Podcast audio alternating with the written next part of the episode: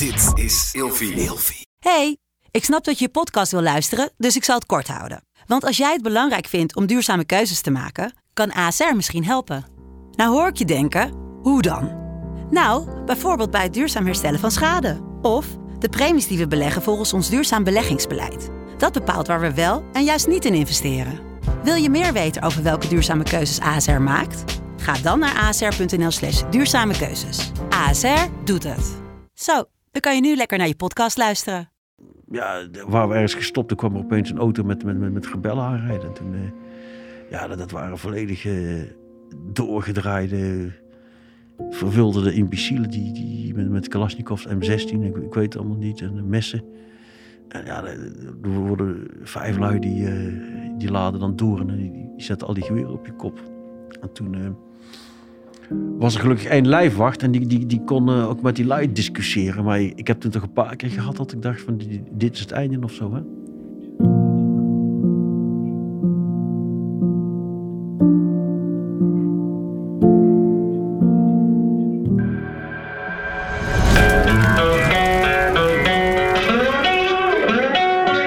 Welkom bij een nieuwe aflevering van Scherpschutters. Heel erg tof dat jullie er zijn. Vandaag mijn gast, Teun Voeten. Top dat je er bent. Ja, dankjewel om- om me uit te nodigen. Helemaal, eh, je bent helemaal uit An- Antwerpen komen rijden. Ja, dat, dat, is, drie kwartiertjes rijden als je een beetje... Beetje, Beetje gas geven. Beetje gas geven, ja. Ja. Nou, heel, erg, eh, heel erg mooi dat je er bent. Voor de mensen die eh Teun niet kennen, dat kan ik me natuurlijk voorstellen. Ehm, ik ben onlangs ben ik eigenlijk een beetje begonnen met antropolo antropoloog in de podcast gehad, Tini Molendijk. Ik heb Govert Zweep, is een YouTuber die naar Syrië en naar Oekraïne is afgereisd. En ik heb een cameraman in de podcast gehad. En ik merk steeds meer dat de, de bloedgroep van de oorlogsverslaggever, fotograaf, mensen die zich verdiepen daarin, interessant, ten eerste interessante gesprekken opleveren. En ten tweede dat die link heel erg interessant is. Omdat ik ook altijd als ik op missie ging, eigenlijk best wel op een antropologische manier, eigenlijk een menselijke kant ging kijken Ja. natuurlijk naar het gebied waar ik naartoe ging. Maar het uiteindelijk dat een groot onderdeel is van ook de overleving.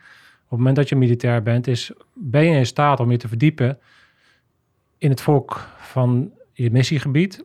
Eh, niet alleen voor je eigen overleving, maar ook voor, je eigen, voor de effectiviteit. En ook, voor de, ook om de menselijkheid eigenlijk te behouden in het werk wat je Ja. dan te doen hebt als militair. Dus dat is even een klein stukje achtergrond. Ehm, ja, misschien voor de mensen die jou niet kennen, zou je jezelf even kunnen voorstellen. Wat jij, wat het, ja, je cv oplezen, dan zijn we eigenlijk al een podcast verder. Ja, ja ik, ik, ik, ik hou het kort. Ja. eh namens Teun de Voeten. Ik heb culturele antropologie in Leiden gestudeerd.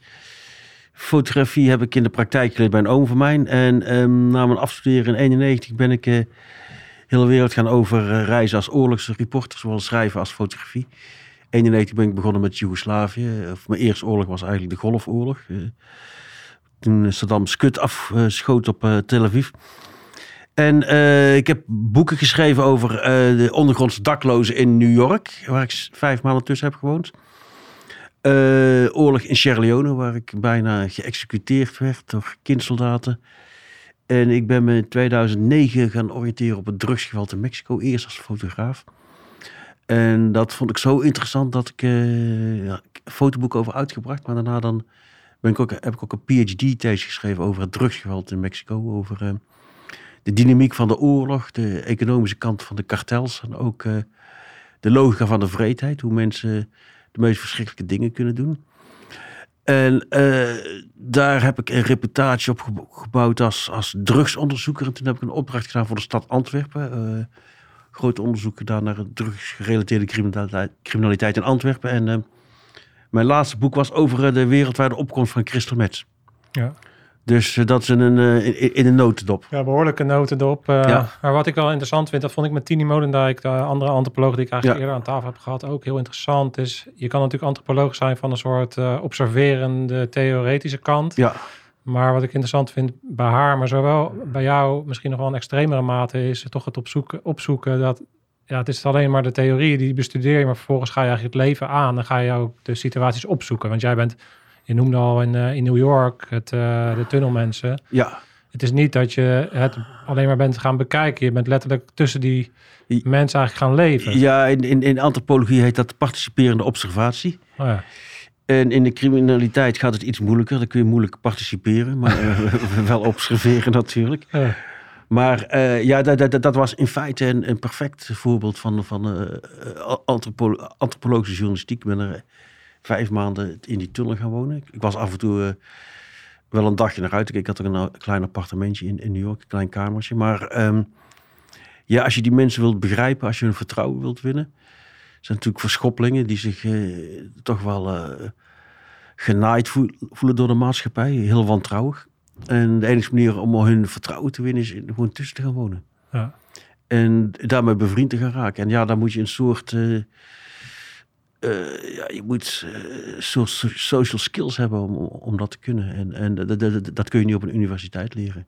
Nee, dan moet je gewoon eh, op pad. Ja, maar ik vond het heel interessant. Voor mijn eindonderzoek, op, toen ik nog studeerde, ben ik drie maanden in, in de Goudstoekersdorp gaan wonen in, in, in Ecuador. Oh ja.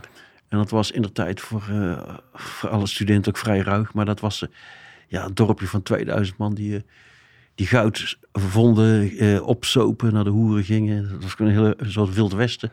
Maar ik vond het zo heerlijk. En, en ehm, eh, ja, ik, ik, ik, Mexico kun je natuurlijk moeilijk participeren. Maar, maar ik, ik vind altijd heel belangrijk om, om zo dicht mogelijk bij, bij de mensen te staan. ja, maar ook echt te kunnen begrijpen wat je schrijft en waar het over gaat. En Ja, Voordat, ik heb allerlei vragen, maar wat ik altijd wel even interessant vind altijd. Mijn eerste vraag is eigenlijk altijd van wie ben je eigenlijk? Nou, je hebt je eigenlijk je cv en de dingen die je doet heb je al heel erg eh, voorgesteld. Maar ik ben ook even benieuwd van waar, uit wat voor nest kom je en hoe ben je opgegroeid en hoe ben je uiteindelijk antropologie gaan studeren?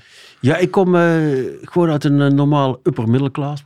Nest, Brabant. Mijn vader was veearts, mijn moeder psychologe. Dus gewoon altijd platteland gewoond, tussen de boeren. Ik heb nog altijd heel veel sympathie voor de boeren. Ja, Dat is een ander verhaal. zeker in deze tijd. Ja, eh, ja. En ehm, wij werden thuis toch wel een beetje gepusht om, om te studeren. Maar liefst een beetje de exacte kant, eh, biologie. En ja, en ik, ben, eh, ik was toch wel een beetje de, de vreemde eend in de bijt. En, eh, ehm, Maar je bent wel biologie gaan, gaan studeren op ja, ik, ik heb eh, twee jaar biologie gestudeerd, maar dat was gewoon... Ik vond het super interessant, ook heel blij dat ik het gedaan heb. Maar daar ben ik gewoon, eh, om het heel simpel te zeggen... Kijk, als je biologie studeert, moet je 80 uur per week eh, werken. Hè? En als je, als je antropologie studeert, 20 uur per week. Dus, eh, dus de antropologie past iets beter bij mij, om- omdat ik ook zoveel andere dingen erbij deed. Hè? Ja, de creatieve kant. Ja, ja, toen ik antropologie studeerde, toen werkte ik ook al bijna fulltime als, als fotograaf. Ja, Dus, dus eh, en, en ik heb tijdens mijn antropologie ook altijd reizen kunnen combineren met, met fotoprojecten. Dus eh, dat is helemaal, nader, helemaal eh, gelijk op, opgegaan. Nee, waar, waar is dan, want ik hoor tussen de regels al door een beetje de, het reizen. Dus Ja. het, het, oké, het platteland, daar ben je natuurlijk al veel buiten, denk ik, opgegroeid. Hè? Meer dan, dan een stadsjongen zoals ik, denk ik. Hoewel ik ook wel veel in de duinen speelde en dat soort dingen. Maar je zal meer link hebben gehad met de natuur. Ja, Toch ben jij op een gegeven moment, heb je die hang gekregen naar reizen. Waar is dat ontstaan en, en eh, wat gebeurt er dan? ik weet het niet. Ik heb altijd toch wel een.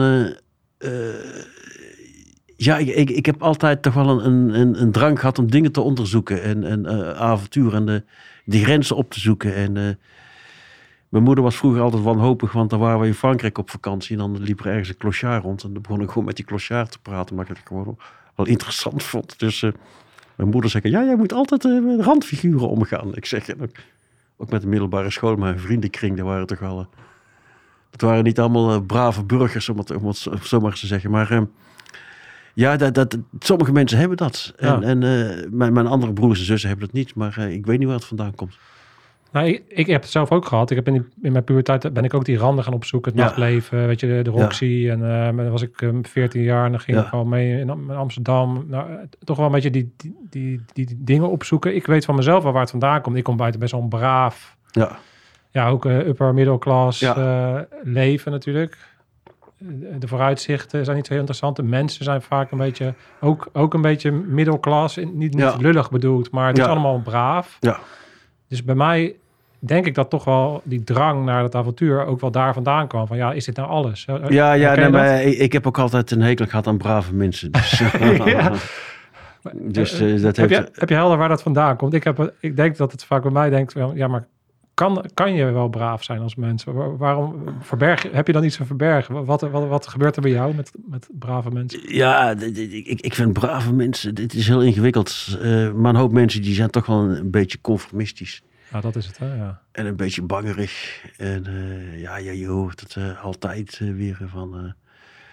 ik denk wel dit, maar ik durf dit niet te zeggen. Ja. En, en, en ik, ik zie dat laatst ook heel, heel veel in het politieke debat. En ook, eh, Dus je hebt ook een zware tijd achter de rug de laatste twee, drie jaar dan. eh, zeker hier in het Westen. Met alle conformistische bewegingen. Nou, ik, ik, ik, eh, ik maak me heel erg ongerust welke kant het op gaat. Ja. Maar ehm, ik zeg gewoon wat ik denk. En ehm, in bepaalde kringen word ik eh, verfoeid. Maar ik heb genoeg kringen waar ik serieus word genomen. Dus, Ja, want Ja. we zitten wel in, in een heel erg extreme tijden. Eerst die corona en nu de Oekraïne-oorlog. En dat er telkens één narratief is. Ook- en de ook- ook- klimaat... eh, de, de klimaat, ja, ja, pre- precies. Dat, de, hele klimaathysterie. en eh, ik denk er allemaal iets subtieler over, iets genuanceerder. Ja, en, en ook de ingewikkelder. Omdat je natuurlijk al zoveel onderzoek hebt gedaan. Je weet ook dat de dingen nooit precies zijn zoals ze zijn. Ja, maar je, je ziet nu bij, bij, bij de Oekraïne-oorlog. Kijk, ik, ik heb eh, denk ik 33 jaar oorlogen gefotografeerd. Je, weet dat de zaak nooit helemaal zwart-wit is. Ja, behalve en- je foto dan misschien. Ja, ja, ja. Ja. en en eh, het is allemaal iets, iets ingewikkelder als, als Rusland de agressor en eh, Oekraïne het zielige slachtoffer. eh, gebeuren he- hele rare dingen daar. En ook dat bijvoorbeeld de EU, EU ge- al, al- alle Russische zenders geblokt heeft. Ik vind dat heel eng. Dat is in feite gewoon een eh, soort staatsdictatuur, eh, overheidsdictatuur. Terwijl, eh, eh, ja, ik, ik ben heel benieuwd wat de Russen, nou, de, de Russische, Russische kant van het, van het verhaal, maar dat, die mogen wij niet zien. Nee. nee, zeker als onderzoeker is dat, eh druist natuurlijk in tegen alles. Ja. Het juist om kunnen gaan met verschillende meningen, verschillende Ja, maar invalshoeken. het, het is altijd mijn, mijn, mijn taak elke vraag te stellen die, die je maar kunt stellen. En wat je dus tegenwoordig hebt in, in de wetenschap, bepaalde vragen zijn eh, taboe. Ja. Terwijl eh, juist als wetenschap moet je, moet je alles, alles kunnen, kunnen vragen en alles, alles kunnen onderzoeken. Ja. Ja, dus, dus toen jij eh, st- afgestudeerd bent, want als je het hebt over onderzoeken, dat is daar begonnen. Dus het onderzoeken van, eh, van eh, de manier waarop je bent gaan kijken. Toen was je al een beetje een vreemde eend in. Dus je, omdat jij dus voor onderzoek ging je al naar Ecuador op pad. Ja, nou, een vreemde eend, laat ik zeggen, een, beetje ruige, ruige vogel. Ruige vogel, Ja, ja. beter, beter woord. Ja, ja, ja, ja. dus, ehm, Hey. eh, maar mijn professors vonden het fantastisch. Die, die moesten altijd wel lachen hoor. Dus die vonden dat wel leuk. Hoe, hoe, weet je wat ik interessant vond? Eh, ik heb natuurlijk even een paar dingetjes van jou zitten kijken. Wat ik interessant vind is hoe jij naar mensen kijkt. Ook op het moment dat je, dat je het onderzoek doet. Kan jij ze in je eigen bewoording vertellen... op het moment dat je onderzoek gaat doen... hoe jij dan kijkt naar mensen die bijvoorbeeld aan de onderkant van de maatschappij staan... of in een oorlog of, of dus in een Ecuador. Ja, het is, het is, het is, het is, het is, eh, altijd verschillend. Hè? Ik, eh, de laatste jaren ben ik dus veel met Chris Met bezig geweest. Ik heb met heel veel verslaafden gepraat. En ik probeer altijd eh, ook juist de verschoppelingen een menselijk gezicht te geven. Want het zijn allemaal eh, ehm, mensen die zijn als, als lieve onschuldige babytjes geboren. Maar op een gegeven moment hebben die een paar verkeerde afslagen genomen. En ik heb voor mijn studie heb ik ook huurmoordenaars gesproken in de, in de Mexicaanse gevangenis. En eh, ja, dat zijn ook allemaal mensen die. ehm, er is iets anders gegaan. die hebben een ander traject gekozen. En dat, dat, dat kan door alles, alles komen. En nou ben ik altijd wel. eh, ik, ik, ik, eh, ik ben niet eh, moreel ambigu. Dus een huurmoordenaar is voor mij een, een, slecht mens. Maar ik probeer wel te begrijpen hoe, hoe, hoe hij zover is gekomen. En dan zie je dat ja, die, die grens tussen good en evil, die, die, die is heel, heel dun. Dat is een, een, een pad waarop je heel makkelijk kunt afglijden. En bij mijn Mexico-studie, mijn laatste hoofdstuk, eh, The Logic of Cruelty, heb ik ook gekeken van... eh, ehm, n- no- heeft een mens eh, weerzin om een ander mens te doden. Maar hoe, eh, als je, of als je nu huurmoordenaar bent, of zelfs soldaat, of, of politieman, of, of, of jihadi. Je moet, of kindsoldaat. ehm, die hebben toch wel dezelfde analoge trainingsmechanismes om, om- om die natuurlijke weerzin te, te, te, te, te ontwijken. Ja, Om er eraan voor- voorbij te gaan. En ik vond dat eh, voor mijn studie heel interessant. Dat je dus. ehm, dat al die mechanismes be- behoorlijk in- in- interessant zijn. Dus, maar ik, ik beschouw eh, de mens dus gewoon een, een open blad. Wat, eh, wat goed kan zijn en, en, en, en, en die slecht kan zijn. Want ik, ik heb een, ook in, in, in de oorlogen de, de meest dappere mensen ontmoet. Ja. En, en ook, ook, ook de meest smerige lafbek en opportunisten. En, Ja. en, en dus eh, het is heel moeilijk te, te, te voorspellen hoe mensen in een oorlog gaan reageren. Want ik, ik was in Sarajevo en dan, dat was heel interessant om te zien hoe, hoe sommige mensen hele bange opportunisten worden. En andere mensen, die, dat worden de meest heldhaftige burgers. Van wie het eh, niet verwacht. Maar Ja. je moet ook in, dat, in die dynamiek ook altijd een beetje hetzelfde met voor- zware opleidingen. Dan kan Ja. je soms om je heen kijken en dan zie je allemaal gespierde figuren. Ja, Maar als je het veld ingaat en de dingen worden echt zwaar, dan komen er vaak andere mensen bovendrijven. Ja. Ik denk dat in een oorlog is het net zo'n extreme situatie Ja. eigenlijk, waarop je dan altijd maar weer moet afwachten wie er dan naar boven komt drijven. Ja. Drijven op een goede manier of een slechte manier. Ja. En eh, ja, ben je, daarin dus wel, ben je daarin wel eens dusdanig verrast dat, dat je het niet zag aankomen? Nou, ik, ik vind mensen. Ja, ik, ik, ik heb gewoon een hele diepe interesse in de mensen. En, en eh, je komt altijd, al- altijd hele unieke figuren tegen. En ehm, ook ja, die huurmoordenaars in Mexico, daar- zaten toch wel speciale lui tussen. En eh, ja, dat, dat, dat, die waren er op een hele gekke manier ingerold. Dan, die maken dan. eh, die zitten in een gang, een beetje op straat eh, te, dealen. En dan krijgen ze ruzie. En dan, worden ze aangevallen en, dan moeten ze zich verdedigen. En dan, dan slaat hij iemand dood. En dan voelt zich zo sterk. En dan word je uitgenodigd door kartel om bij hun te komen. Dan, zo, zo, rol je erin. En, en dat zijn allemaal mensen die, die gewoon... ehm, eh, ja, ik heb ook met een huurmoordenaar gesproken. Die had de hele familie uitgemoord. En die, die vond het verschrikkelijk. Maar dat, het, waren gewoon oorlogs. Hij moest dat doen. Dus, dus ehm, dat er, is een hele ambigu gebied tussen goed en slecht. Ja, ja dus de, de, de dynamieken die daar ge- die gebeuren in een situatie en in een mensenleven, die zijn vaak zo ingewikkeld dat een oordeel eigenlijk ook nergens over gaat. Omdat Ja. een oordeel, ja, je kan alleen maar oordelen als je zelf in de schoen hebt gestaan van Ja. iemand die natuurlijk een bepaalde weg heeft moeten ja, kijk, ik, ik keur natuurlijk bepaalde dingen af. Kijk, het is gewoon heel duidelijk. Ik, Ja. ik, ik keur eh, moord af. En het, het dealen in zwaar verdovende drugs keur ik, eh, v- eh, verslavende drugs keur ik ook af. Maar het is natuurlijk interessant, want als ik kijk naar mezelf, ik, ik- kijk, ik ben dan eh, Special Forces opgeleid en ik heb er wel eens over nagedacht. Toevallig was het ook met een journalist die Ja. met ons meelopen was. En wij waren aan het trainen en dan ben je zo gedrild, want dan is het hup en dan loop je een kamer binnen, is het dubbel tap, bam bam. Ja, Je knalt een, een tegenstander neer, je kijkt even, je scan en brief en je, je gaat door in je tactieken. ja, Kijk, het is maar net hoe je dan goed en kwaad bepaalt. ja, Op dat moment zeggen wij, ja, dat is goed, want je valt onder een, eh, onder een regering. Dus dan mag, mag je ineens wel ja, eh, geweld toepassen op Ja. een dodelijke manier. En Ja. dan noemen we het ineens uitschakelen of eh, maken we het milder. Hè? Eh, Dus elimineren, ja. elimineren. Of, Ja. ja, dus dat is natuurlijk best wel een ingewikkelde casus. Ook, ook in de zin, ik merk dat nu ook wel, dat het, er soort, het vertrouwen in overheden zo aan het omslaan is en zo laag begint te worden. Zeker natuurlijk met alles wat er in Nederland gebeurt, is dat ik dat ook wel zie keren tegen hoe ik twee jaar geleden dingen kon posten over eh, wat, wij, wat wij als militairen doen, merken dat er nu altijd ongeveer 20, 25 procent wel, nou misschien 20 procent, ik, 10, 10 20 procent reageert op een manier van ja, maar jullie zijn onderdeel van een systeem wat niet te vertrouwen is en dus jullie zijn ook slecht. Snap, snap je? Dus het is ook maar net vanuit welke bril je gaat kijken naar wat de mensen ja, doen. Ja, dat, dat, dat, dat, dat, dat, dat, is natuurlijk een, beetje de paranoia. Dus ja. Eh, ik heb altijd het... Eh, veel respect gehad voor eh, de strijdkrachten.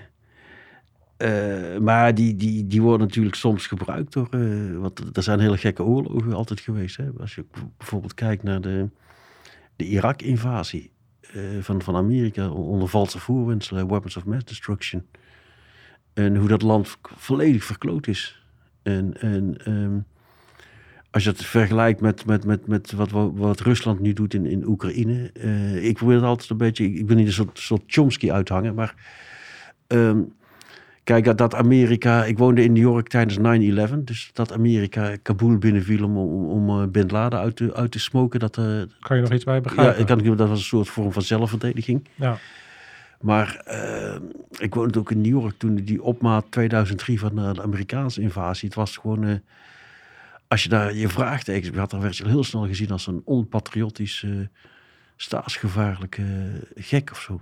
Ja, diezelfde dynamieken die je elke keer terugziet. Hè? Dus als, de kritiek er niet mag zijn, dan gebeuren er vaak dingen die achteraf niet door de beugel Ja, konden eigenlijk. Ja, nee, maar wat je nu ook ziet, als, als je die, die, die, die, die, die Oekraïne-conflict iets genuanceerder ziet, dan word je uitgemaakt voor Poetin versteer. Ja, Wat, wat, wat een hele emotionele manier van, van, van redeneren is. Het, het hele debat is erg eh, emotioneel geworden.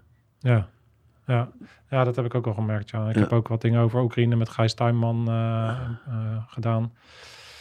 En dan merk je inderdaad dat, die, eh, dat er veel emotie bij komt kijken. Ja. Op het moment dat je het enige probeert is... ja, ik, hou, ook- ik ben zelf een schaker van, van nature. Ik Ja. hou gewoon altijd een beetje over va- van om het schaakbord gewoon te blijven overzien. En af en Ja. toe uit te zoomen van oké, maar wat gebeurt er nou eigenlijk? En eh, ja, op het moment dat dat dus niet meer kan, omdat er allerlei emoties bij, bij, bij komen Ja. kijken. Maar ik wil graag het perspectief ook zien van, Ja. vanuit een Rus. ja, En vanuit eh, verschillende Russen ook. Want Rusland is zo groot. Ja, ja, Het is niet- tuurlijk. je kan niet praten over de Rus eigenlijk. Ja. Dus het, het is zo ingewikkeld. Ja. Dus dat, ehm, ja, ja, bijzonder. Hey, neem ons eens mee. Want als ik jouw eh, verhaal zo hoorde, dan kan ik me voorstellen... Want je noemde het een beetje tussen lippen en door, neus en lippen door... dat je bijna geëxecuteerd bent door een kindsoldaat. Ja het, was een peloton gedrogeerde kindsoldaten. Nou ja, jij zoekt gevaarlijke situaties op, maar eh, neem ons mee met naar wat er gebeurde. En heeft dat jou gevormd? Heeft het je misschien minder naïef gemaakt? Of is er wat bij jou gebeurd door die gebeurtenis? Kan je eens... Nou, de, de eerste keer... Ik ben vrij vroeg in het begin van de Bosnië-oorlog, eh Joegoslavië-oorlog, in mijn been geschoten door een sniper in 92 in Mostar.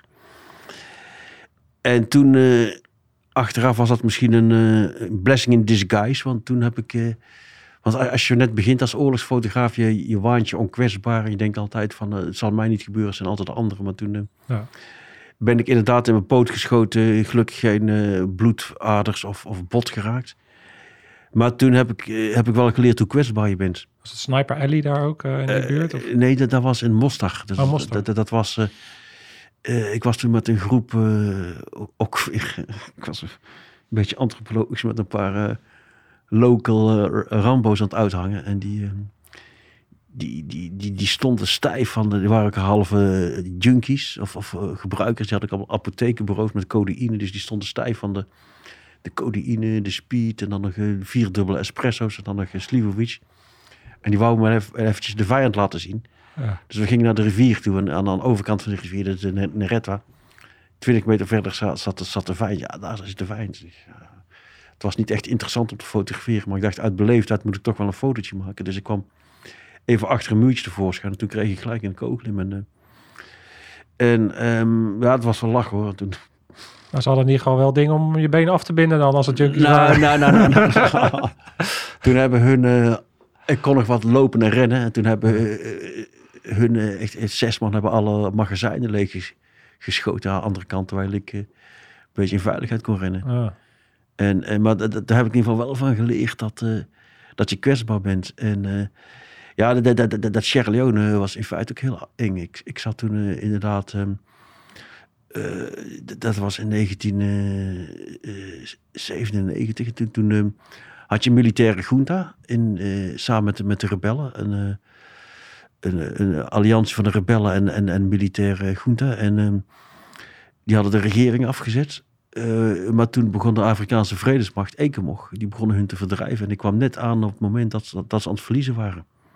En nou is het zo in elke oorlog, eh, als één partij aan de macht is, dan, dan is het altijd veilig. Maar als die, die partij zijn machtsbasis verliest, Vacuüm. Ja. en je bent aan die kant, dan, dan loop je gevaar. En iedereen begon dat te muiten. En ik ben toen eh, echt gewoon samen met een eh, lokale journalist en een, ehm, en een dokter en een, en een eh, zijn we in een ambulance gestapt. En zijn, zijn we gaan rijden terug naar de hoofdstad.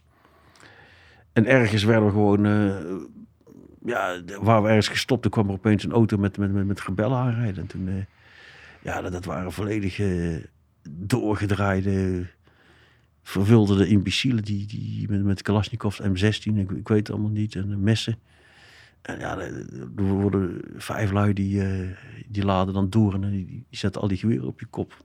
En toen eh, was er gelukkig één lijfwacht en die, die, die kon eh, ook met die lui discussiëren. Maar ik heb toen toch een paar keer gehad dat ik dacht van dit is het einde of zo. Hè?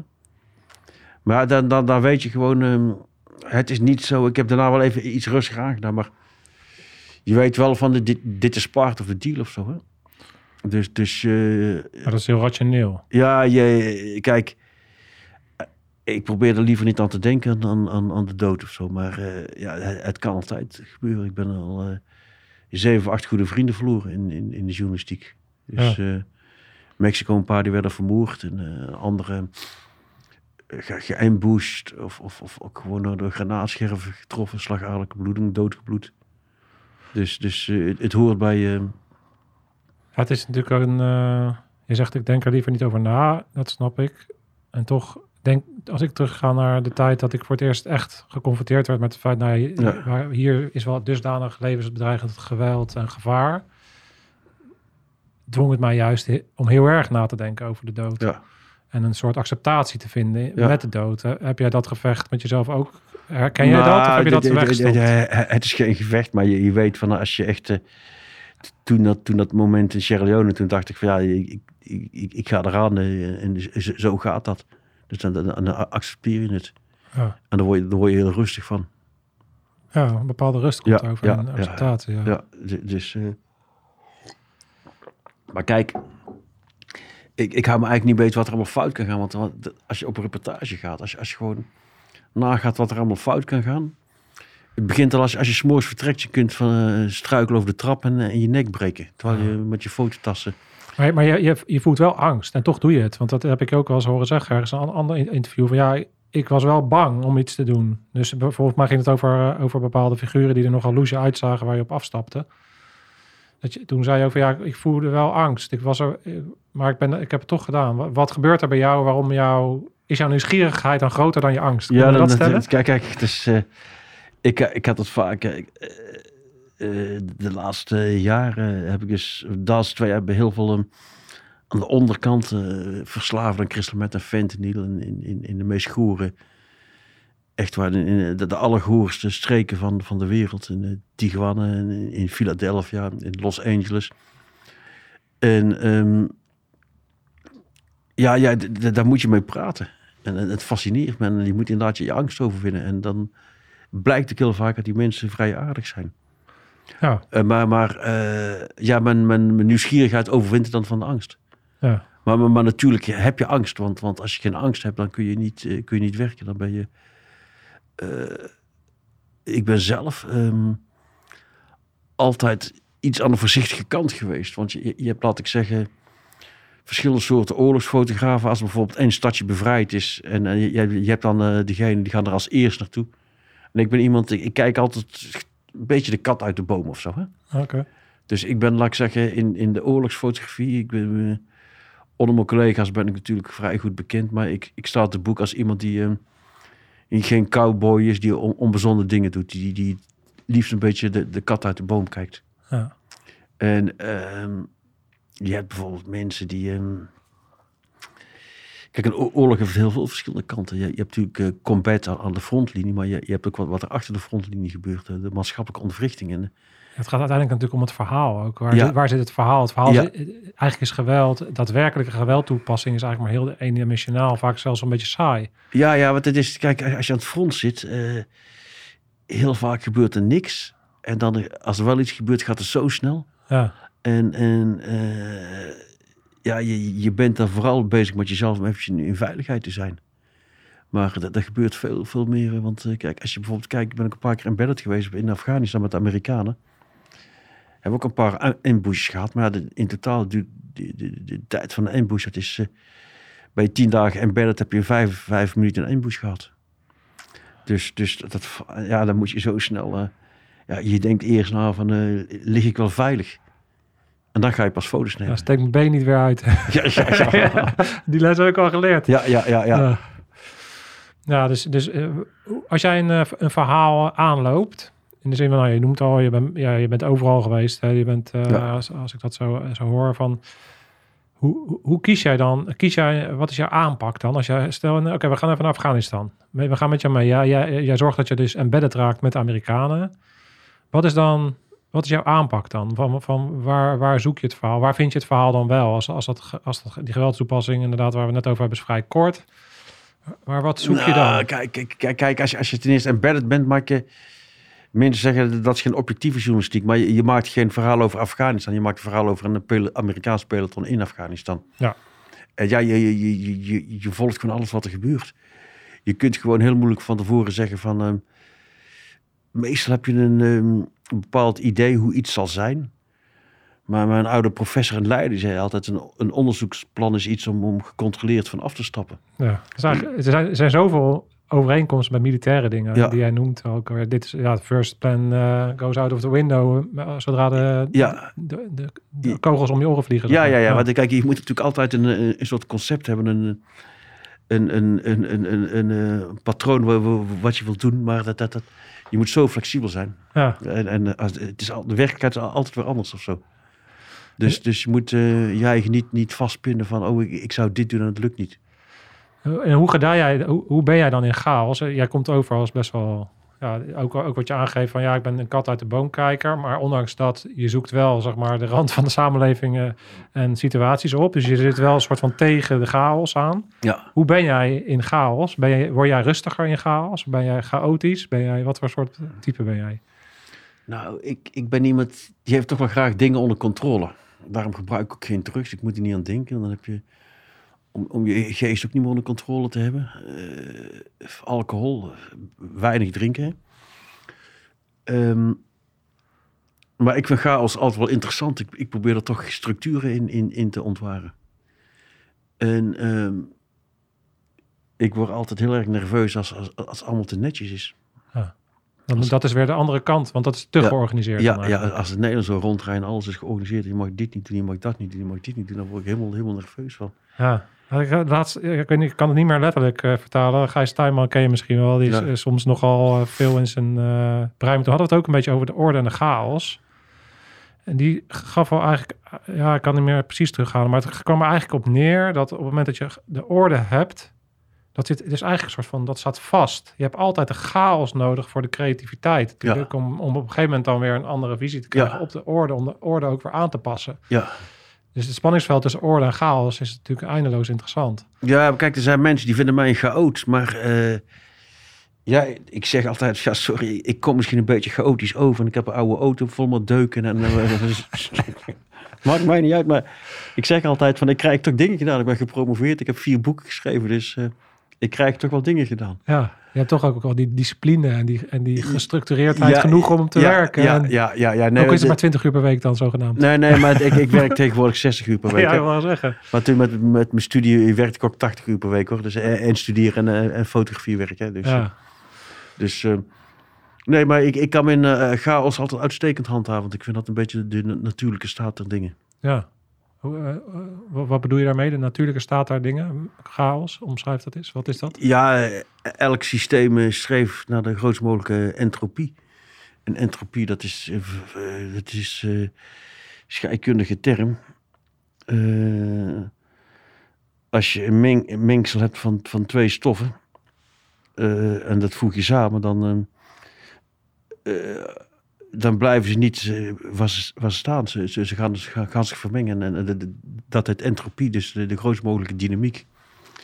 Dus ehm, hetzelfde als je, als je bijvoorbeeld een, een huis eh, of een grasveld niet, eh, niet maait en onderhoudt, dan dat, dat wordt ook een chaos. Dus het is in feite de, de natuurlijke staat der dingen. Ja.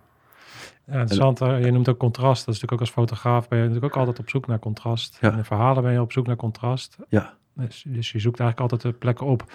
Nou, ik vind dat reuze interessant. Hè? Dus wat jij zegt, ik gebruik eigenlijk geen drugs. Ik heb die, die orde dus wel nodig. En tegelijkertijd heb je een oneindige aantrekkingskracht naar de chaos. Dus dan zoek je vanzelf natuurlijk de onderkant van de, van de maatschappij op. Ja, maar er gebeuren zoveel gekke dingen, man. Ja. Dus, dus ik, ik, ik eh, sinds mijn laatste boek over Crystal Met, ja, ik maak me echt zorgen als je, als je kijkt naar die, eh, naar die, die, de hoeveelheid verschoppelingen die aan de zitten. Maar het is niet alleen de verschoppelingen. Ik, ik, eh, ik sprak iemand uit Rotterdam, een verslaafde, die gebruikt crack en, en heroïne. En als je, die woont in het centrum van Rotterdam. Als je, als je hoort wat daar allemaal gebeurt. Ja. En allemaal achter de deur. Het is allemaal braaf, maar dat het een enorme scene is van eh verslaafde. wa- Wat je allemaal niet wilt weten. En, en ook nog kindermisbruik en eh, er gebeuren. En ik vind dat een beetje de verborgen kant van de maatschappij, die, die, die, die ook, ook getoond moet worden. En mensen zeggen altijd van ja, Toon, jij, jij, jij, jij, jij, eh, fotografeert allemaal die, die ongezellige dingen. Eh, mensen die liggen te creperen op de straten van Philadelphia, eh, fentanyl. Maar ik zeg, ja, sorry, die, die, dit is ook een deel van het verhaal, een deel van de wereld. Ja. En Je, bent, je zit natuurlijk al lang in het vak. Ja. Zijn er dingen veranderd of is de dynamiek altijd hetzelfde geweest? Want jij hebt het veel over drugs en ook over geweld. Maar als je kijkt natuurlijk inderdaad, eh, ik heb je ook wel eens een verhaal over, eh, over bijvoorbeeld weet ik, voor Hitler en, en, en de drugs in de Tweede Wereldoorlog. Hoe dat werd gebruikt. En dat zie je, is natuurlijk ook een soort rode lijn die wel terugkomt. Dus het is er soort van wel altijd geweld en, en, en een soort van verdoving van de mensen is natuurlijk altijd wel aanwezig geweest. Ja. Maar is, heb jij ook dingen zien veranderen? Neem even de laatste 30 jaar. Wat, wat, zie je, is, wordt het heftiger dan? De onderkant van de maatschappij? Nou, ik, ik, ik denk dat het heftiger wordt, ja. Om- omdat er, eh, er is gewoon... eh, ten eerste zijn er veel meer drugs. Toen ik eh, tiener was, ja, je had een wietje en een, een pintje. Daar was het bij, maar tegenwoordig heb je dus... honderden soorten synthetische drugs. Dat wil je allemaal, allemaal niet weten. En de meeste kun je gewoon online kopen. En ja, je hebt steeds meer armoede en, en steeds meer... ehm, eh, ik denk dat die, die, die, die klasse van verschoppelingen steeds groter wordt. Want dat is, best- dat is toch tegenstrijdig. Want in, in een bepaalde zin hebben we, zitten we op het punt van de me- grootste rijkdom van, van, van de geschiedenis eigenlijk. Als je het kijkt naar de levensstandaarden. Ja, nee, maar dat, dat, dat, dat, zitten we niet. Nee. Ik zie geen vooruitgang. Eh daar is een, een klasse die eh upper class die steeds rijker wordt. Ja. Eh, de middenklasse wordt eh, langzaam maar zeker uitgehold. En eh, die klasse van verschoppelingen, kijk, de, de nieuwe, nieuwe klassenstrijd is tussen de, ik zeg dat zo, tussen de have littles en de have nots. Ja. Want als die mensen die heel weinig hebben, die, die, die werken keihard om, om niet tot de have nots te behoren. En, en, en, en dat wordt, en, en dan heb je ook nog, eh, wat ook heel interessant is, ehm, die spanningsboog tussen de, de, de, de, de, de, de verwachtingskloof. En, en dat, is wat je hebt en, en wat je wilt hebben. Ja. Kijk, als ik 30 jaar geleden in Congo was, of 20 jaar geleden, ja, die mensen hadden geen, eh, de Congolezen hadden geen, geen, geen iPhone, geen smartphones. Dus die konden ook niet eh, zien wat er nog meer Ja, leefde. Ja, ja die, die hadden een geit en een kip. En die leefden in, in een hut van, van hout en stro. Ja, dat, dat klinkt racistisch, maar zo heb ik het echt gezien in Congo. Ehm, ja, en, en die waren happy. En nu hebben die een smartphone en, en die zien eh, rappers als Biggie, eh, Notorious B.I.G. in, in, in limousines en champagne en, en, lekkere wijven. En die denken ook van vrek. Ik ben eigenlijk wel een loser dat ik hier in een boerenhut zit met, met, met een kip en een geit. En eh, die verwachtingskloof, dus, dus, dus, dus wat, je wilt hebben en wat je hebt, wat je wilt hebben, die, die, die frustratie, die, die, die wordt ook steeds groter. Ja, ja je voelt het ook. Eh, kijk, we leven hier natuurlijk in een van de rijkste landen van de wereld. En als je het hier al hebt over nu een soort van de middenklasse... en je kijkt wat de boodschappen doen en wat de, de gasprijs... en wat er dan met mensen gebeurt. Hè? Dus dan heb je eigenlijk een, een dubbel gezin. Gezinnen vallen steeds meer uit elkaar... maar dan Ja. heb je volgens de twee verdieners. Dus eigenlijk eh, de, de, de brave, gewoon de brave mensen, zeg maar. Die werken eigenlijk eh, dan best wel... eh, eh, moet, eigenlijk moet je allebei werken om überhaupt een huisje te kunnen kopen... Ja. en het normale leven te hebben van twee vakanties. Dus je ziet eigenlijk dat in die zin de standaard natuurlijk eigenlijk een soort van... eigenlijk alleen maar ver- aan het verlagen is. Ja, die, die, die- kijk, kijk, vroeger kon je nog Met vanuit. één verdiener kon je... Mijn vader kon gewoon als één verdiener... kon, kon die gewoon het gezin overeind Ja, houden. ja, ja, ja, ja. Nee, dat, dat, dat is inderdaad, als, je- als je kijkt, die, die, die, die, ja, maar die middenklasse, ik vind het ook verschrikkelijk wat er met, met de vissers gebeurt. Die, die hele vissersstand, die, is, die is gewoon verdwenen. Ja. Als het geruisloos gebeurt en niemand maakt zich daar druk om, heeft te maken met Europees beleid, met, met eh, hogere energieprijzen, met windmolenparken waar je niet, en ook met, met, met brexit, met, met allerlei visserijverdragen. Dus dat, dat is een heel ingewikkeld verhaal. Ja. Maar er is een, een, een klasse van eh, stoere, onafhankelijke, vrije jongens, die, die, die is gewoon verdwenen. Ja. Nou ja, dus jou, eh, je hebt nog genoeg werk. Dus ik denk dat je 100 uur per week moet gaan werken. Ja, nou, ik doe het. Eens, ja. Ik wil heel, heel graag nog een klein beetje inzoomen richting eh, Mexico. Want Ja. ik, ik vond het heel interessant toen ik de beelden voorbij zag komen. En je weet wel dat dat er is. Je ziet ook, je kijkt natuurlijk de series. En ik moet eerlijk zeggen dat ik me er nooit heel erg in verdiept heb. En dat is ook wel een van de redenen dat ik jou hier graag wilde uitnodigen. Omdat ik toen ik de beelden voorbij zag komen, eigenlijk hoe bizar is het eigenlijk wat voor oorlog daar gevoerd wordt. Ja. En hoe dualistisch dat in een bepaalde zin is. Hè? Dat je dan de, de, de, orde, de vakantieorde eigenlijk hebt. En de toeristen daar allemaal een soort van happy, eh, happy de peppy eh, Ja. zitten. En dan, en dan die gigantische ja, oorlog is het eh, Ja. die, er- die er afspeelt. Dus ik zou graag van jou eens willen horen van... Want jij bent daar dus... je hebt daar een onderzoek op gedaan. Je hebt daar een boek over geschreven. Kan je eens uitleggen, wat, wat gebeurt er nou eigenlijk in Mexico? Even een kort bericht van mij tussendoor. Voel je ook dat je meer zou kunnen? Dat je als het er echt om gaat, je niet 100% levert? Dat je uitstelgedrag vertoont, niet eens begint of het niet afmaakt? Heb je meer last van stress dan dat het je vriend is? Presteren, vooral onder druk, is een vorm van meesterschap. Zo zien wij dat bij scherpschutters. Het is geen trucje, maar een keuze. Wij hebben de meest complete gids gebouwd die er bestaat op het gebied van presteren onder druk. Gebaseerd op 50 jaar ervaring in de frontlinies. Toepasbaar voor iedereen. Check www.scherpschutters.online voor meer informatie. Nu snel weer terug naar de podcast. Of hebben we dan een aparte podcast nodig? Na aparte podcast, maar ik, ik zal even heel, heel kort zijn. Het is in ieder geval het eh, drugsgeweld is volledig ontspoord. Vorig jaar waren er 33.000 doden. Eh, het wordt elk jaar erger. Eh, ja, ik, ik noem het altijd een narcocapitalisme. Een systeem van zeer kapitalistische ondernemingen die, die alles aangrijpen om, om, om geld te verdienen. En, en vroeger waren die Mexicaanse kartels, die zijn allemaal heel klein begonnen met een beetje wiet eh, kweken en een beetje opium kweken. En toen eh, kregen de Colombiaanse kartels, die, die, die, die verkochten opium vroeger, uh, transporteerden dat via de Cariben, maar die, die route werd afgesloten. Toen zijn ze die Mexicanen gaan gebruiken als, als, als laat ik zeggen, transportfirma's. Om het van, uh, van Mexico naar de US te brengen. Maar die, die zijn zo rijk geworden. Uh, miljarden, miljarden, dat, dat gewoon uh, volledige staten in staten werden. Die, die, die, maar ook zoveel geld dat die, die, die corruptie is daar weerzinwekkend. En dan heb je het hele kleine niveau, de, de, de dorpspolitie. Um, dorpspolitie, uh, die werken vaak samen met criminelen, omdat ze niet anders kunnen. Die zijn allemaal samen op school geweest, dus die kennen elkaar, die weten waar ze elkaar wonen. Dus dat heet Plato Plomo. Maar je hebt ook uh, de allerhoogste ministers van, van de veiligheid en, en, en publieke orde, die, die letterlijk op, op, op de loonlijst stonden van, uh, van, van het Sinaloa-kartel. Uh, Luna Garcia, dat is, het laatste figuur. In, in, in de jaren negentig had je um, generaal uh, Rebollo. Ja, die, die werkte gewoon keihard. Daar waren dan de, de dus de gro grootste crimefighters. Ja, en er is een regering die probeert dat tegen te houden. Maar uh, ja, die kartels zijn, zijn hele flexibele organisaties. Dan wordt er één, één grote jongen opgepakt en, dan splitsen kartellen in kleine groepjes. En die kleine groepjes moeten elkaar ook, weer bevechten. En, en uh, die hele drugsoorlog, dat, dat zijn in feite zes of zeven oorlogen die door elkaar heen lopen. Je hebt de oorlog tussen kartels tegen autoriteiten en dan de opvolgingsstrijd in kartels. En het ene kartel tegen het andere kartel. En dan heb je de ongeorganiseerde misdaad. En dat zijn, laat ik zeggen, alle kleine straatboefjes die in, in die slipstream van die straffeloosheid opereren.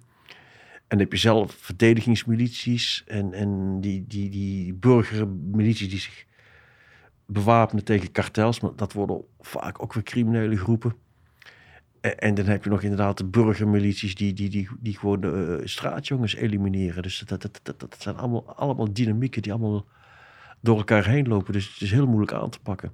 En het is nu natuurlijk ook al generaties lang in principe. Want hoe lang, uh, wanneer is dit begonnen? Is het in de jaren 60 dan een soort van ontstaan? Of is het... nou, de, de, de, de opiumteelt begon in de jaren 1920, 1930.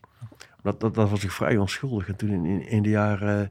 Want het komt, even, even, het komt door de strategische ligging dan dus van uh, Mexico ten opzichte van waar de grondstoffen geproduceerd wordt en waar het naartoe uh, ja, gebracht ja, wordt. Is, ja. is dat de, de, de onderliggende oorzaak? Ja, van... dat, is, dat zijn verschillen. Het is natuurlijk een, een heel uh, endemische corruptie in Mexico. Je, je, hebt ook hele afgelegen gebieden waar je kunt doen en laten wat je wilt. Want ik ben heel vaak met de auto het land doorgereden en dan rij je soms twee uur lang door de bergen zie je geen enkel huis of zo. Dus dat, dat kun je je voorstellen. Je, je kunt er al, alles gewoon maar doen en laten wat je wilt. En eh, ja, Mexicanen zijn natuurlijk, dat hebben ze van Amerikanen geleerd, toch, toch, toch wel ondernemers. En ehm, kijk, er- er vroeger was het alleen maar, eh, in de jaren 60 kwam er een beetje marihuana bij. Voor, voor de Amerikaanse hippies.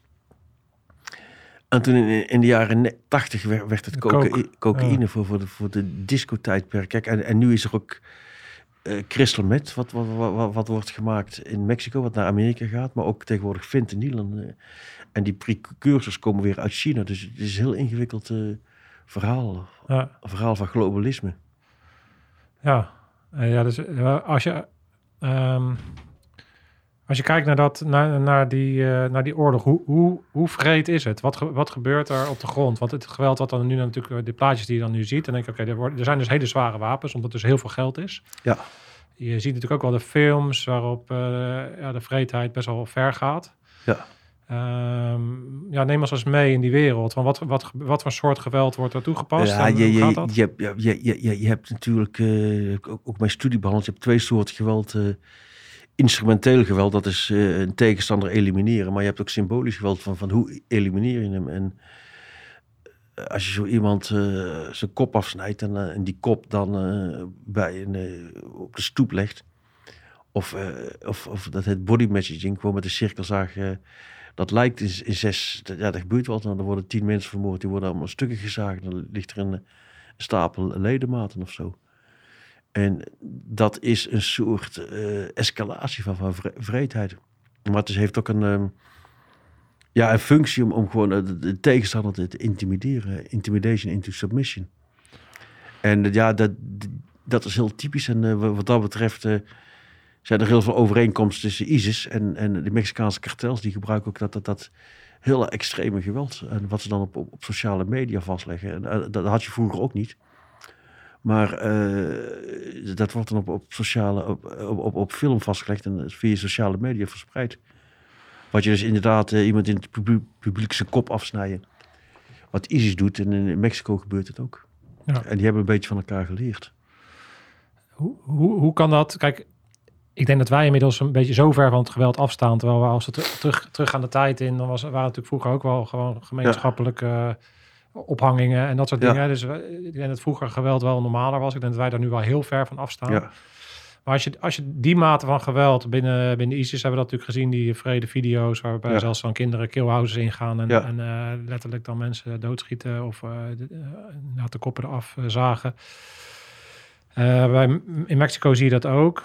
Ik wil het graag even, eens even koppelen aan wat jij ook aangaf van ja, goed en slecht. Hè? Je hebt ook huurmoordenaars gesproken, dus ook allemaal mensen die vreselijke dingen hebben gedaan. Wat, welke omstandigheden zijn er voor, nodig om mensen die eigenlijk van nature als, als een goede baby eigenlijk, eh, misschien nog wel een bepaalde moraliteit in zich hebben, maar eigenlijk in een bepaald klimaat niet anders kunnen dan geweld toepassen? Welke omstandigheden zijn er van nodig eigenlijk om tot deze mate van geweld te komen dan? Ja, dit, dit heeft denk ik. ehm, mm, er, er zijn in feite drie faciliterende mechanismen van geweld. De ene is afstand creëren. En dat kan een fysieke afstand zijn of een psychologische afstand. De andere is een onmens zien. Eh, het andere is eh, je gemoedstoestand eh, veranderen. Je, je, je psychologische gesteldheid. Dat kan door middel van drugs of hersenspoeling. En de andere mm, is sancties. En dat kunnen positieve of negatieve sancties zijn. Dus iemand dwingen om iemand te doden. Als je, als je dat niet doet, dan, dan, dan wordt hij doodgeschoten. En wat je in, in Mexico hebt, heb je ook let- letterlijk trainingskampen voor sicariërs, voor huurmoordenaars. Ja, en, en daar worden mensen echt gedwongen om, om een ander dood te schieten. En als ze dat niet doen, worden ze zelf doodgeschoten. En als je eenmaal die, die grens over bent om een andere, eh, ander omgelegd te hebben, als je je, je eerste dode eh, Is het ergste eigenlijk dan Ja. waarschijnlijk? Ja. ja, ja, en, en da- da- dan wordt de tweede wat, makkelijker en de derde ook. Ja, dat is natuurlijk eh, iets... Ja, en je ziet het ook, ja, een soort peer pressure. Iedereen doet dat. Je ziet het ook in een Duitse concentratiekamp. Die, die kampo's, die ka- kampenwaarders. Die, die, die, die, eh, die, die capo's, die, die, die werden gedwongen. Maar het was ook een soort... eh, eh, je wilt niet achterblijven bij de ander. Eh, het, het, het, het- het zijn heel rare dynamieken. Maar en, Ja. als je ze goed bestudeert, dan is het toch al allemaal vrij logisch. Dus, dus, want... Ik heb het in mijn studie heel duidelijk gezegd. Wat je dus niet moet doen, is het geweld onmenselijk noemen. Want het, het is en blijft mensenwerk. Ja, ja, dat, is ook waarom ik jou in die zin bewonder vanwege je aanpak. Omdat het enige wat je nodig hebt, of het belangrijkste wat je nodig hebt, is om altijd die eh, menselijke kant te blijven Ja. zien. Want het is zo makkelijk om te oordelen natuurlijk Ja. over iemand die iemand in eh, zes stukken hakt en op een Ja, stoep, je, op een je, je, stoep, kijk, je, je, je kunt wel zeggen het is een beest. Maar ja, dat, Ja. dat, dat, dat, dat, dat, dat, dat heb ik letterlijk geciteerd. It closes the door to investigation. Dan zeg je, oké, eh, oké, het is een beest. Oké, eh, ge- geclasseerd een beest. Hou- Houden, hoeven niemand te onderzoeken. Ja, Terwijl het veel interessanter is, nee, het is een eh, mens. En hoe is hij ertoe gekomen? En, en, en, en, en je ziet dat, dat, dat, dat er allemaal logische stapjes zijn. Die beginnen allemaal, allemaal heel klein. En op een gegeven moment ben je van A tot B gekomen. ja. Ja. Ja, het, is, het kan ook, eh, die, die, die verergende trap is natuurlijk eh, enorm. Ik eh, hoorde jou ook iets zeggen over die drugs scene, zeg maar, dat hedonisme en die, die, ook, ook die mate van on- ontmenseling eigenlijk. Hè? Dus hoe, hoe je mensen ook in die scene, hoe dat steeds erger wordt en steeds grover wordt. Hè? Als je, als je in, dat, in, in de pad zit van de, van de crystal meth en, eh, en, en, dat- dat zie je natuurlijk met geweld. Zie je dat het Ja, maar kijk, eigenlijk we, we, we, hetzelfde. we hebben hier in Nederland ook. Je, je, je hebt van die drillrappertjes, die, die, die steken elkaar overhoop. Ja. En, en, en, en, ja, er is, er is zoveel geweld ook in Nederland. Ja. Ja, ja en als je, als, je, als je dan kijkt naar eh, Mexico, met wat er nu gebeurt. Wat, wat...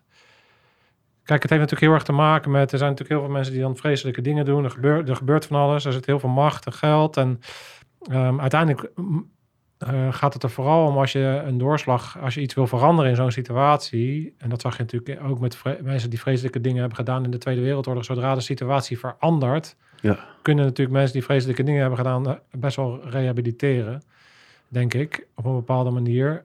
Eh, als, je, als je kijkt naar, naar Mexico, naar het speelveld, wat, wat is er voor nodig om deze situatie op een bepaalde manier ergens te door, door, door, door- doorbreken? Zie, zie jij Ja, Licht aan een tunnel, Ik, ik, ik, ik, ik, ik ben in Mexico ben ik vrij, eh, vrij triest, hoor.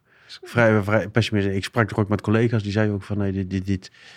Kijk, er is zoveel geld te verdienen. En, en ehm, daarom is, zijn die drugs ook zo interessant, want het is ehm, een verdienmodel, een, een, vluchtmodel voor de verschoppeling, maar het ook een verdienmodel voor de verschoppelingen.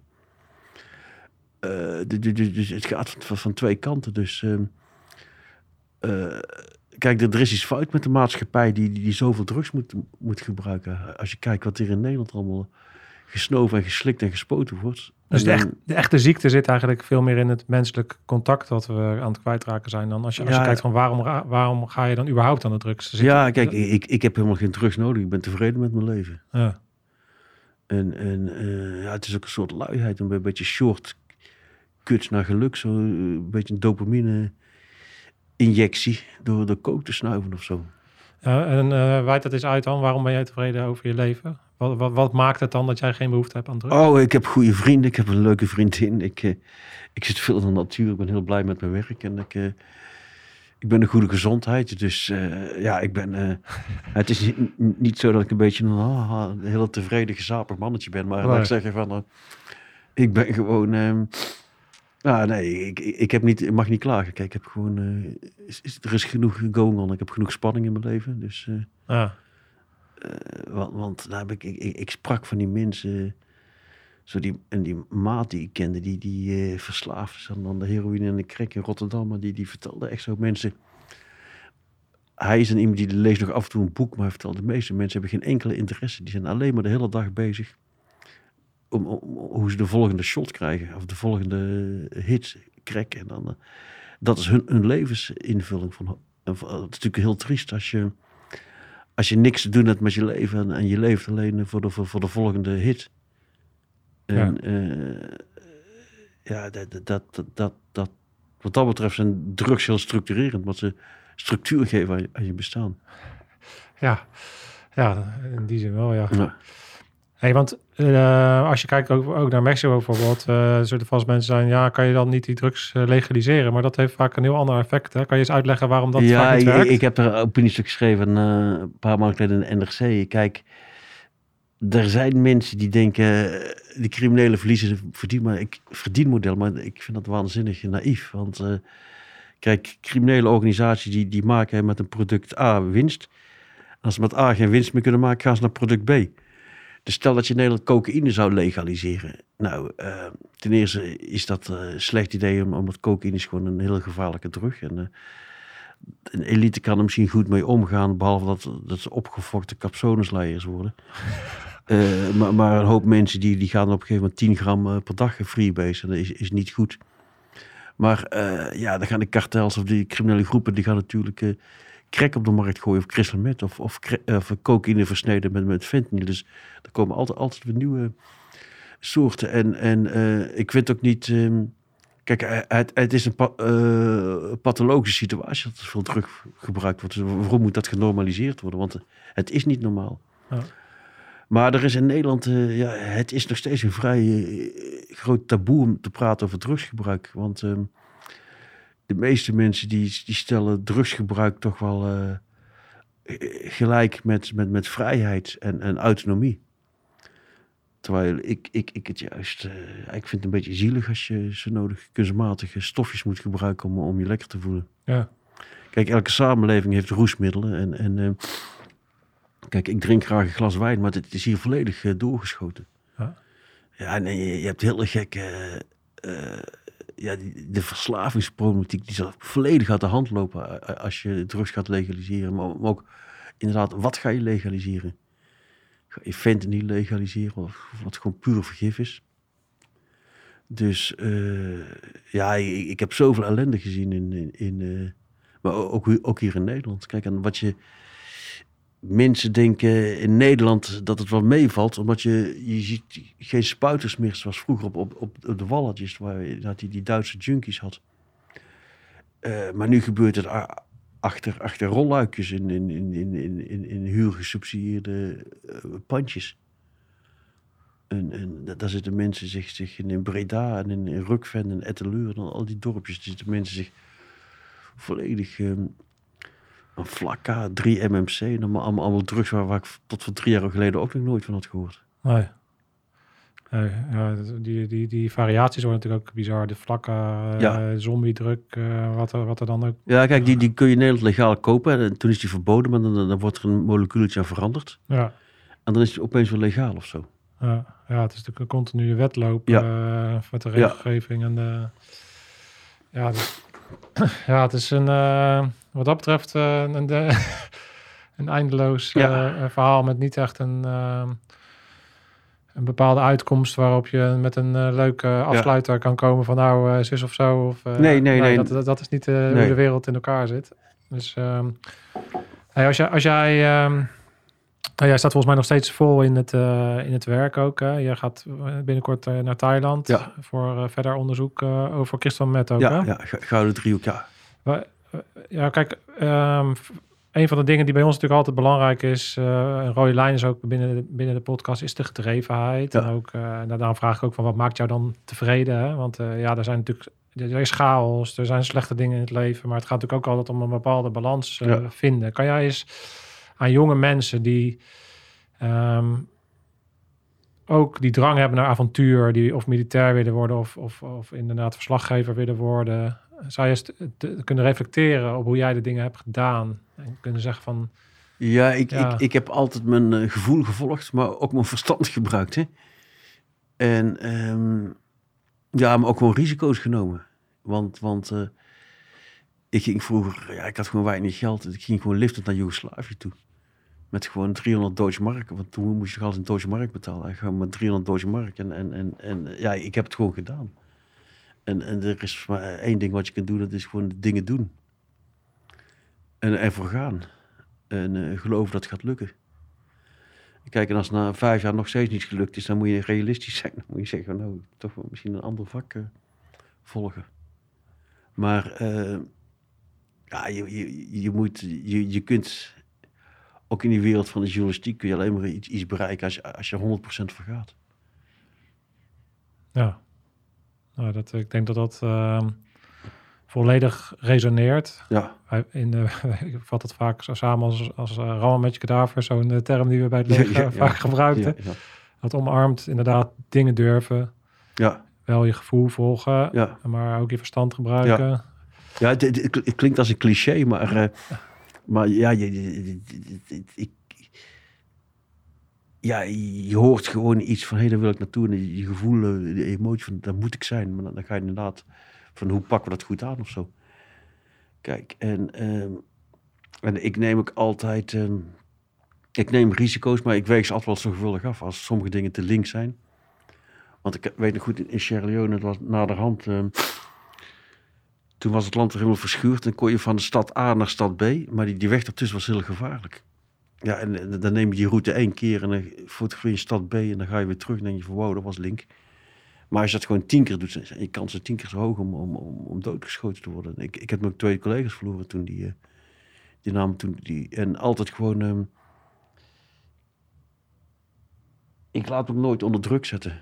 Als, als een. eh, het zij door collega's. Ah, was, eh, ik, ik ben hier en hier geweest. Oké, fijn van jou. Maar ik, ik volg altijd gewoon mijn, mijn eigen. Mijn eigen verstand en gevoel. Ja, is jouw intuïtie, eh, ja, wat voor een band heb jij met intuïtie? Wat doe je, wat- hoe, hoe omschrijf je dat? Ja, je ik, dat? ik, ik denk dat die redelijk goed ontwikkeld is of zo. Maar het, het is heel moeilijk, want, want, want je legt soms je lot in de handen van mensen die, die, die, die je net hebt ontmoet. Dus, dus dan moet je gewoon, ehm, die moet je vertrouwen. En ik heb af en toe wel een paar keer gehad dat, eh, dat ik toch bij iemand een heel fout gevoel had, dat, ik- dat, ik dan de zaak gewoon afblaas. En, en, eh, maar je, je, je, je moet, ja, je, je moet eh, mensen durven vertrouwen. Want dat, en, eh, ja, tot nu toe is dat nog altijd redelijk goed gegaan. Nou, dat is een hele interessante dynamiek die je hier omschrijft. hè. Het non-conformistische wat je aan de ene kant hebt. Ja. Dat heb je dan dus nodig om ook te kunnen luisteren naar het gevoel, het onderbuikgevoel wat je dan hebt bij iemand. Van, Ja. hey, hier klopt iets niet. Ja. Dan moet je dus non-conformistisch ook genoeg zijn om dan te zeggen, ja, het zal me jeuken wat iemand van mij vindt of eh, wat diegene van mij verwacht of hoe of wat. Ik, Ja. hier- ik, ik, dat je dan dus bij jezelf kan blijven en op dat moment de juiste beslissingen kan nemen. ja, ja, Dat, is, dat is voor jou misschien een soort van vanzelfsprekendheid, maar het is wel iets, denk ik, wat niet voor iedereen even makkelijk is. Ja. En waar je dus wel, eh, dat, dat, wat je dus kan ontwikkelen. En met Ja. name dus luisteren naar je gevoel, ook in het Ja. moment. ja. Ja, nee, het is een heel gek gevoel, intu- intuïtie, hè, maar ehm, ja, het, het is in mijn vak gewoon heel belangrijk. Want, want alles is onvoorspelbaar. Er gebeuren altijd dingen op eh, andere momenten. En er komen altijd weer, laat ik zeggen, nieuwe actoren. Die komen weer eh, opeens eh, out of the blue eh, naar boven. En, en ehm, ja, ik werk toch wel vrij intuïtief als, als ik zo vrij mag zijn. Ja. Ja, nou, mooi. Maar ja, ik praat ook altijd veel met lokale collega's. Hè? Dus dat, dat is mijn, eh, als, als ik ergens ben. Ja, dus je bouwt er snel een situational awareness op. Ja, Eh, ja, ja. Ja, ja, een eh, situation report. ja dus de, de, de fixer lokaal is belangrijk Ja. eh, voor jou om eh, snel inzicht te krijgen. ja, ja, ja maar, maar, vooral, ik ga altijd even met lokale journalisten praten. Die, om even gewoon een... eh, echt allerlaatste de- detailinformatie. Ja. Ja. Ja, wat een eh, verhalen. Ja, ik, ik- toen ik jouw eh, cv zag, dacht ik, ja, ik, eh, waar zouden we het in godsnaam over kunnen hebben? Want we zouden over één actie of één boek zouden we al een hele podcast Ja. kunnen maken. Dus ik, het is natuurlijk met zo'n gesprek voor mij altijd een beetje van, ja, ergens, we laten zoveel Ja. waarde liggen, maar wat, Ja. wat voor mij helder is, is dat, het- en ik hoop dat de kijkers dat ook hebben, is ja, de, de- ga, ga de boeken lezen en eh, ik, ik blijf je zeker volgen. Ja. En ik ben ook heel benieuwd in welke ja, projecten je verder nog eh, gaat uitkomen. Ja. En, eh, wa- wat, is je laatste, wat, wat is je laatste boek en waar ben je nu mee bezig? Mijn laatste boek is het Crystal Met boek. Ja, want ik zie je al. Ja. En dan, dan aan, ehm, en dat ben ik dus nu aan het vertalen. Of dit is mijn, mijn Crystal Met boek. Eh, die. ja, Druk van de Duivel. En ik heb het net vertaald, eh, nog een beetje aan het ed- eh, editen. En dat hoop ik dan dat het Amerika uitkomt. En dan ehm, eh, hoop ik daar wat eh, geld aan te verdienen. Dat je een keer gewoon de auto kan pakken in plaats van liften. Ja, ja, ja. Dus, eh, en, en, en dan wat erna komt, dat, dat- ik kom altijd vanzelf al in, in dingen gerold of zo. Ja, Du- Dus ik, ik, op een of andere manier eh, stuit ik altijd wel vanzelf op interessante dingen. ja. Ja dat geloof ik wel Ja, meteen. eh. ja. Bedankt voor je, het feit dat je de moeite hebt genomen om hierheen te komen. Nee, Ik- nee, ik heel, heel veel dank om mij uit te nodigen. Ja, ja, ja, Ik ja. vond het echt uh, reuze interessant om Ja. met jou in gesprek te gaan. Nogmaals, ik bewonder je manier van aanpak Ja. en je puurheid. En, dat vind ik altijd Ja. heel belangrijk. En, eh, Ja. en, en je motivaties en, je, en de manier waarop je het aanpakt. Ja, dus dat, eh ja, tof. Heel mooi om te Ja, zien. ja oké. Ja, dank je. wel, Ja. Alright. Alright, eh, kijkers, laat ons vooral weten wat jullie ervan vonden en eh, wat jullie meenemen eh, vanuit het verhaal van eh, Teun. Eh, laat het achter in de comments en vergeet niet je te abonneren. En dan eh, zien we jullie volgende week weer bij een nieuwe aflevering van Scherpschutters. Uit!